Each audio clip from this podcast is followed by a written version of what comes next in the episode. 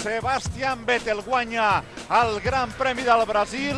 Sebastián Vettel suma 13 victòries aquesta temporada, igual al rècord de Michael Schumacher de l'any 2004. Mark Webber s'acomiada de la competició amb la segona posició, doblet de Red Bull en aquest Gran Premi del Brasil, mentre que l'Asturià Fernando Alonso creuarà la línia d'arribada a la tercera posició. Vettel aixeca el puny, Vettel conscient que ha fet història, Vettel campió del Gran Premi del Brasil. La xarxa Fort de Catalunya t'ofereix aquest espai.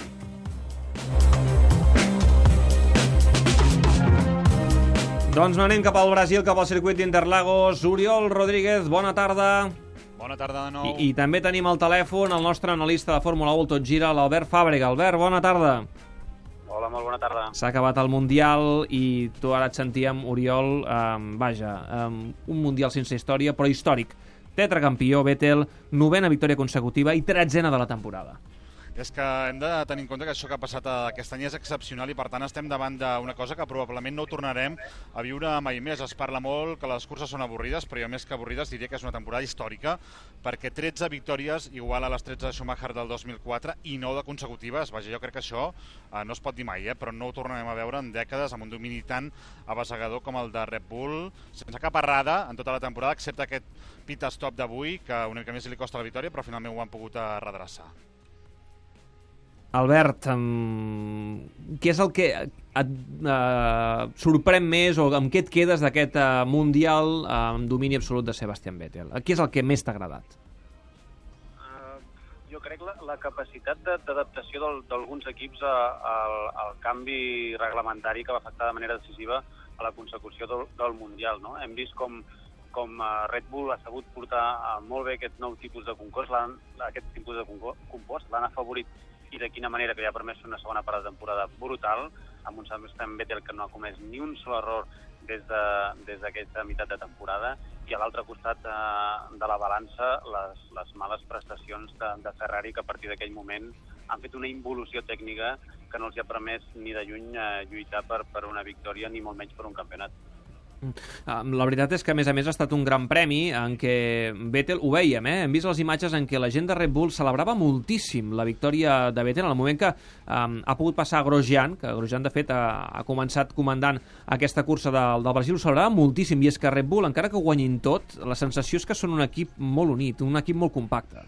Sí, quan ha passat a, a Rosberg, eh? A, a Rosberg, perdó. Sí, a Rosberg, a Rosberg. Uh, clar, és que la sensació és que la fam de victòries no, no s'ha acabat encara.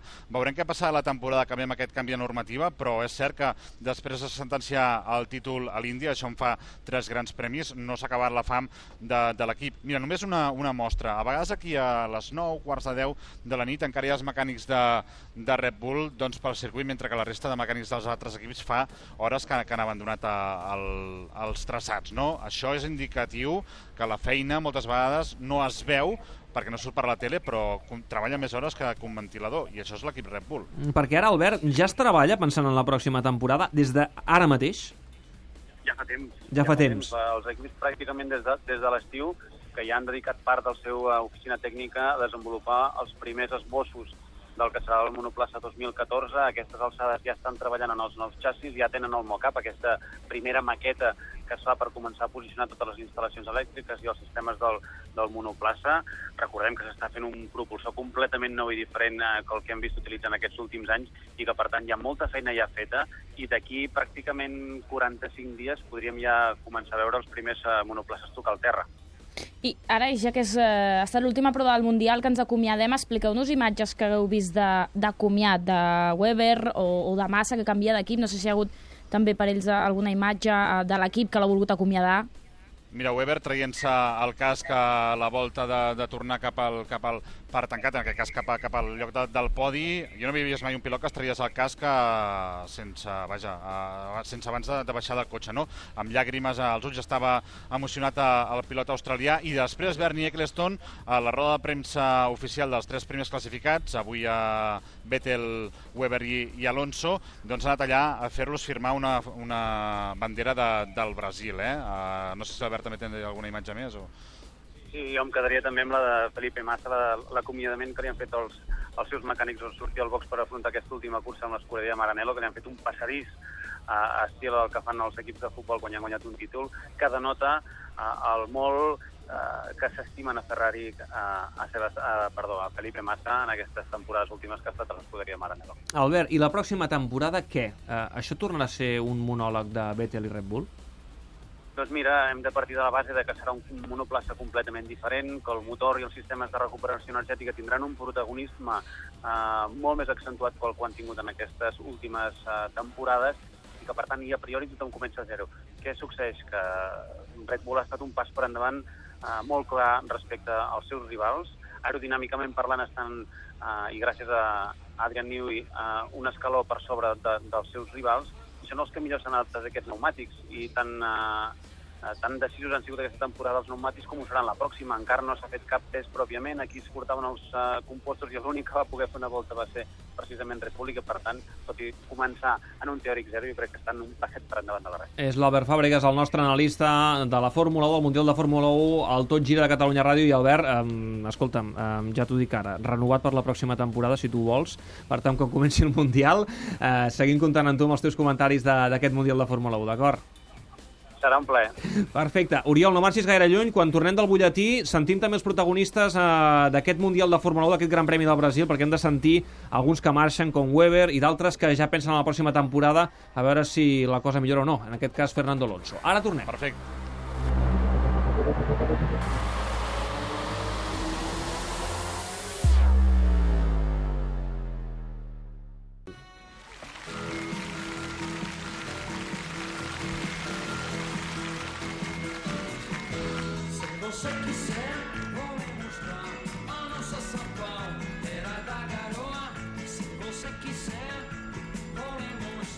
Coneixeu aquesta cançó? Mm. Home, i tant. Espera, espera, espera la Puja, tornada. puja, espera la puja, tornada. Ara.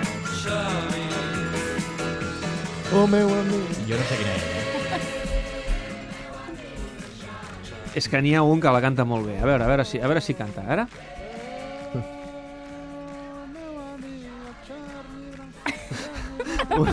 Oriol, ets el nostre cantant de la redacció, eh? Ja t'he sentit a la promoció d'aquest Gran Premi del Brasil de Fórmula 1 que cantes perfectament el Charlie Brown, eh? Ah, home, escolta'm, els que som d'una generació, de la generació de, De la dels meva. 80 cap als 90, de finals dels 80, doncs aquesta cançó... No, clar, m'estranya que estigui dient que són dels 80 i no, no digueu res, però bé, és igual. Sí, Jo estava, de- jo estava fent càlculs i dic, ostres, bé, sí. I a més quan ha dit de finals dels 80, dic, ah, molt bé, molt bé. No, de Ui, finals salut, dels Salmurri. 80, Salut, ja és- Salmurri. Ja, També, ja és més... Uh, sí. Abans no m'heu deixat cantar Fiesta Pagana i això... Cántala, cántala.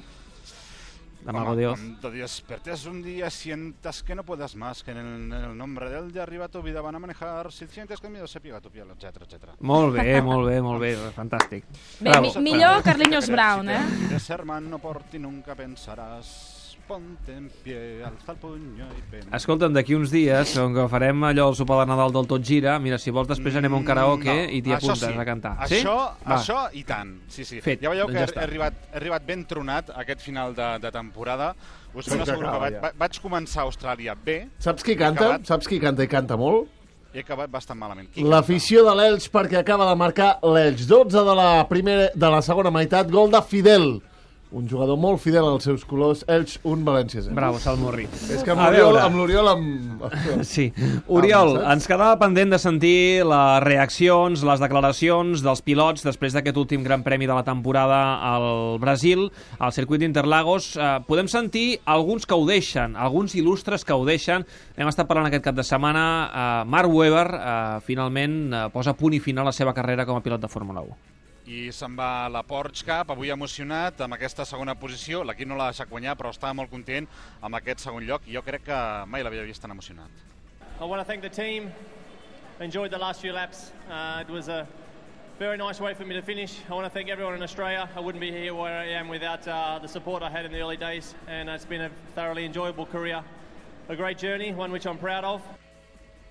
Val, això ho escoltem en anglès, o en aquest cas Sí. australià, perquè pugueu arribar a entendre eh, el temps que jo vaig arribar a entendre aquest accent i, i aquesta manera de parlar tan ràpid que té el pilot australià, que aquí agraïa doncs, vaja, a tothom, a la gent que li havia donat suport a, quan va començar i quan va sortir d'Austràlia i que avui ha estat un, una gran jornada. No sé per què parla tan ràpid a, aquest home, el trobarem a faltar molt, perquè bàsicament a l'hora de, de traduir-lo jo reconec que personalment l'accent australià... Mira, jo et, jo et dono la traducció. Vull donar les gràcies a l'equip. Les últimes voltes han estat una manera molt maca d'acabar. Vull donar les gràcies a tothom que des d'Austràlia m'ha donat suport des del principi.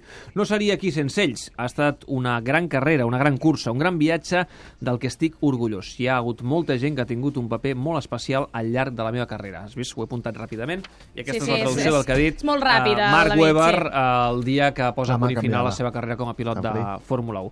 Podem sentir també Fernando Alonso, una història ben diferent de la de Marc Webber. Sí, avui Alonso ha acabat a la tercera posició i Massa, que avui també s'ha acomiadat a Ferrari, ha estat sancionat amb un drive-thru durant la cursa. Si no hagués estat així, Alonso ha explicat que l'hauria deixat passar perquè pogués acomiadar-se de Ferrari amb un podi. Todo el fin de semana o antes de la carrera ya se lo dije que si en cualquier momento de la carrera podíamos estar eh, en posición de, de que me pasase, eh, encantado de, de dejarle paso y de, en, esta, en esta situación en la que estábamos hoy él hubiese hecho tercero y yo cuarto, ¿no? Y hubiese, se hubiese despedido en el podio. Mm. Home, eh, el cert és que acaba el podi la temporada, però ha estat una temporada per oblidar per Ferrari i per Fernando Alonso. És la quarta temporada ja en blanc. Sí que és cert que Alonso ha arribat a la final en dues d'aquestes temporades. L'any passat va perdre aquí el títol a, amb Sebastian Vettel en aquella cursa d'Infart, també el 2010 a- el va perdre a Abu Dhabi, però Ferrari no hi ha manera que sigui capaç de construir un cotxe guanyador com a mínim des de fa, des de fa molts anys. Veurem què passa l'any que ve amb aquest canvi de, de reglamentació, però el cert és que en un canvi de reglamentació, evidentment, jo penso que el que sempre és el més llest de la classe doncs sempre té idees. Veurem si Adrian Newey és capaç de construir l'any que ve un nou monoplaça, perquè si això ho aconsegueix ja Vettel, aconseguiria el cinquè títol, que això ja serien paraules, paraules majors. Eh? Oriol, has pogut parlar també amb el tetracampió, segurament l'home més buscat avui al circuit d'Interlagos. Sí, però jo crec que avui ella s'ha dit, per exemple, protagonisme a Mark Webber al podi, ha estat el primer de parlar, sempre normalment ho és el que guanya la cursa, avui l'ha cedit eh, el protagonisme a, a Mark Webber. Ha tingut paraules Sebastian Vettel d'elogi cap al seu company i també cap a altres membres que, que deixen l'equip. I think there's a couple of guys that stand out. First of all, Mark, obviously, is his last race. We've been teammates for a very, very long time. Um, I think we, after all, we didn't have the best relationship, but I think we always had uh, tremendous uh, respect for each other. And uh, together, I think, been very, very successful for the team. And then there's one other guy, he's working on my car. His name is Tom Batch, and uh, unfortunately, he's leaving. So, farewell, Tom. All the best for the future. And uh, yeah, who knows, maybe uh, we'll meet each, each other again in the future. Vinga, ara toca tu, tradueix. Bé, primer de tot el que fa és donar les gràcies a, a dues persones que se'n van. La primera d'elles és Mark Webber. Diu que no han tingut la millor relació possible fora de, de les pistes, però sí que és cert que, que han tingut gran respecte sempre l'un per l'altre.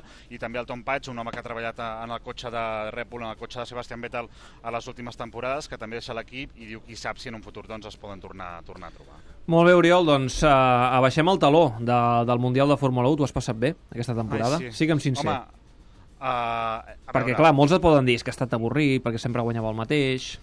Sempre és cert que quan hi ha curses mogudes, curses en pluja, curses a, o mundials que se celebren a, a l'última cursa, com, com molts que n'hem viscut a Catalunya Ràdio, és més emocionant. Però jo aquesta temporada 2013 l'hem d'agafar com una temporada històrica, com la temporada de Sebastian Vettel, com la temporada de les 9 victòries i com la temporada que un home de només 26 anys ja està capaç d'igualar les 13 victòries de Schumacher. Clar, Schumacher és l'autèntic mite en tota la història de la Fórmula 1 i aquest homenet de només 26 anys anomenat Sebastian Vettel, tetracampió, ja està capaç d'igualar-ho. Per tant, més que una temporada d'avorrida, jo em nego a acceptar-ho, la vull qualificar de temporada realment històrica. I de tots els viatges que has fet i que veiem que penges tantes fotografies al Twitter i a l'Instagram i a totes les històries que ens has explicat al teu blog de la Fórmula 1, amb què et quedes? O quina és la que més t'ha sorprès o la que més t'agradaria ara recordar?